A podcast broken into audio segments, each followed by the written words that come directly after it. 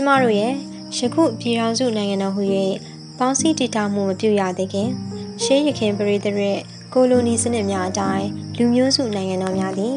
အာချီယာလူမျိုးစုနိုင်ငံတော်များ၏လက်အောက်ခံဘဝသို့တိုက်ခိုက်သိမ်းပိုက်ခြင်းကိုခံခဲ့ကြရပါသည်ခေတ်ကာလနှင့်အပိုင်းအခြားဖြင့်တင်ပြရသောအောက်ပါလူမျိုးစုပြည်နယ်ဒေသခရိုင်နိုင်ငံများသည်ဗြိတိရှအစိုးရကဗမာပြည်မှဟုခေါ်သော Ministerial Burma လက်အောက်ခံနေများအဖြစ်ကြာရောက်ခဲ့ရသည်မွန်လူမျိုးတို့၏ဩဇာအာဏာများသည် အလောင်းမင်းတရားလက်ထက်ခရစ်နှစ်1585ခုနှစ်တွင်၎င်းရခိုင်လူမျိုးများကိုဗကြီးတော်ဖျားက1984ခုနှစ်တွင်၎င်းအတီးတီနေချက်ကျူးကျော်တင်ပိုက်ခဲ့ခြင်းဖြစ်သည်ထို့ကြောင့် ဗြိတိရှအစိုးရသည်မြန်မာနိုင်ငံကို1886ဇန်နဝါရီလ1ရက်နေ့တွင်ဗြိတိရှအင်ပါယာသို့သွတ်သွင်းကြောင်းကြေညာသည့်အခါအဆိုပါမွန်လူမျိုးတို့၏နိုင်ငံတော်ရခိုင်လူမျိုးတို့၏နိုင်ငံတော်သည်လည်း Ministerial Burma ဟုခေါ်သောဗမာပြည်မှအဖြစ်သာတပါးတည်းပါဝင်ခဲ့ကြရလေသည်သို့သောချင်းလူမျိုးများကိုမူကားဗြိတိရှတို့သည်မြမပြည်မှကိုတင်းယူနိုင်ခဲ့သည့် 1886ခုနှစ်ထက်10နှစ်နောက်ကျပြီး1896ခုနှစ်မှာသာတရားဝင်တိုက်ခိုက်သိမ်းယူနိုင်ခဲ့ခြင်းဖြစ်သည်ကရင်လူမျိုးများသည်လည်းချင်းလူမျိုးကဲ့သို့မြမပြည်မ၏လောင်ခံအဖြစ်သိမ်းယူခဲ့ရခြင်းမဟုတ်တော့လဲ1935ခုနှစ်တွင်မြမပြည်မကိုအိန္ဒိယနိုင်ငံမှခွဲထုတ်ပြီးတီးခြားဘရင်ခံဖြစ်အုပ်ချုပ်မည် 1935ခုနှစ်အဥပဒေအရဖွဲ့စည်းရမည်ဗြိတိရှအစိုးရ၏အတိုင်ပင်ခံကောင်စီတွင်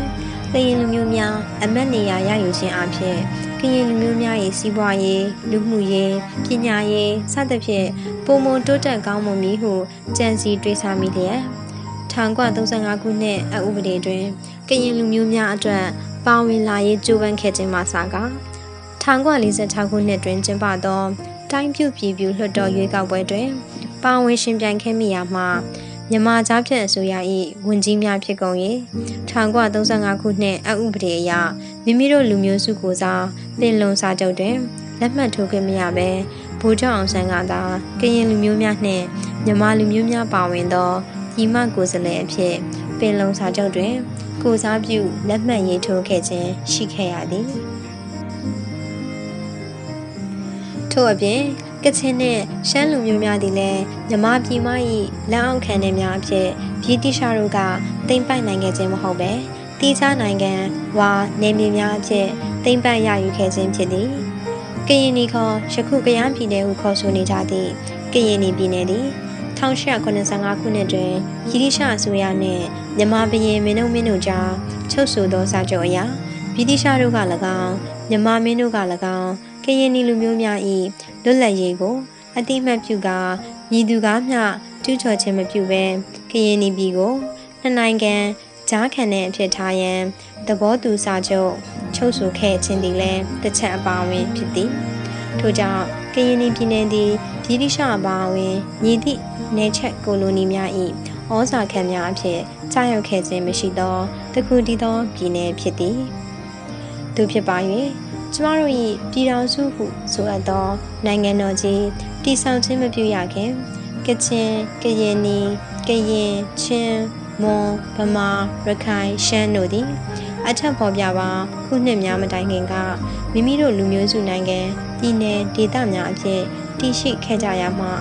1948ခုနှစ်ပင်လုံစာချုပ်ရေးထိုးသောအခါ မွန်ရခိုင်ကရင်ဗမာတို့ပါဝင်သည်ဟုဆိုအပ်သောဗမာပြည်မှကိုစားပြုကိုယ်စားလှယ်ကချင်ကိုစားပြုကိုယ်စားလှယ်ချင်းကိုစားပြုကိုယ်စားလှယ်ရှမ်းကိုစားပြုကိုယ်စားလှယ်စသည်အဖြစ်တီးခြားလွတ်လပ်ရေးရယူကနိုင်ငံများအဖြစ်တည်ထောင်နိုင်သည့်အခွင့်အရေးများကိုလက်လွတ်က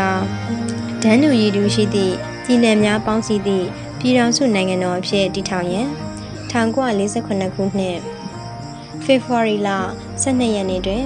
ရှမ်းပြည်နယ်ပင်လုံမြို့၌ပင်လုံစာချုပ်ကိုချုပ်ဆိုခဲ့ကြလေသည်အခုတင်ဆက်ပေးခဲ့တာကတော့